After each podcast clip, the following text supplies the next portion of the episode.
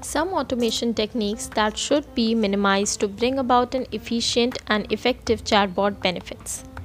Number 1 should be time savers and not time consumers. According to a survey conducted in April, 97% of the customers use chatbot or emails to solve their queries and doubts.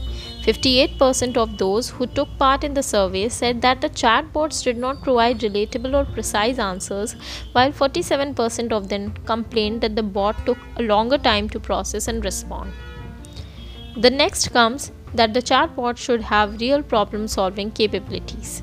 The chatbot have been designed in a way that they could handle and solve first level questions only. They cannot solve critical and complex queries.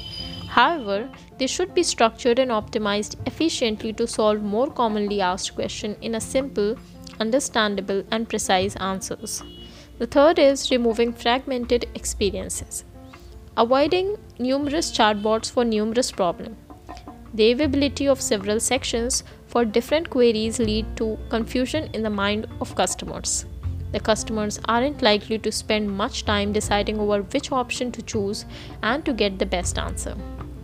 Since the selection of answers will be limited, companies should focus on providing plenty, accurate, yet crisp answers.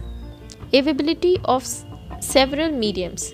With the type of business or company, the need of customers vary so availability of various mediums to resolve the issues should be there like minor queries and extended details on specific services tracking shipment or refund and return policies the next is collaboration of chatbot with human agents while chatbots act as a face of company and sole representative to the customer it is essential to build the face right the next is avoiding aggressive marketing Chatbots are a wonderful tool for promotion.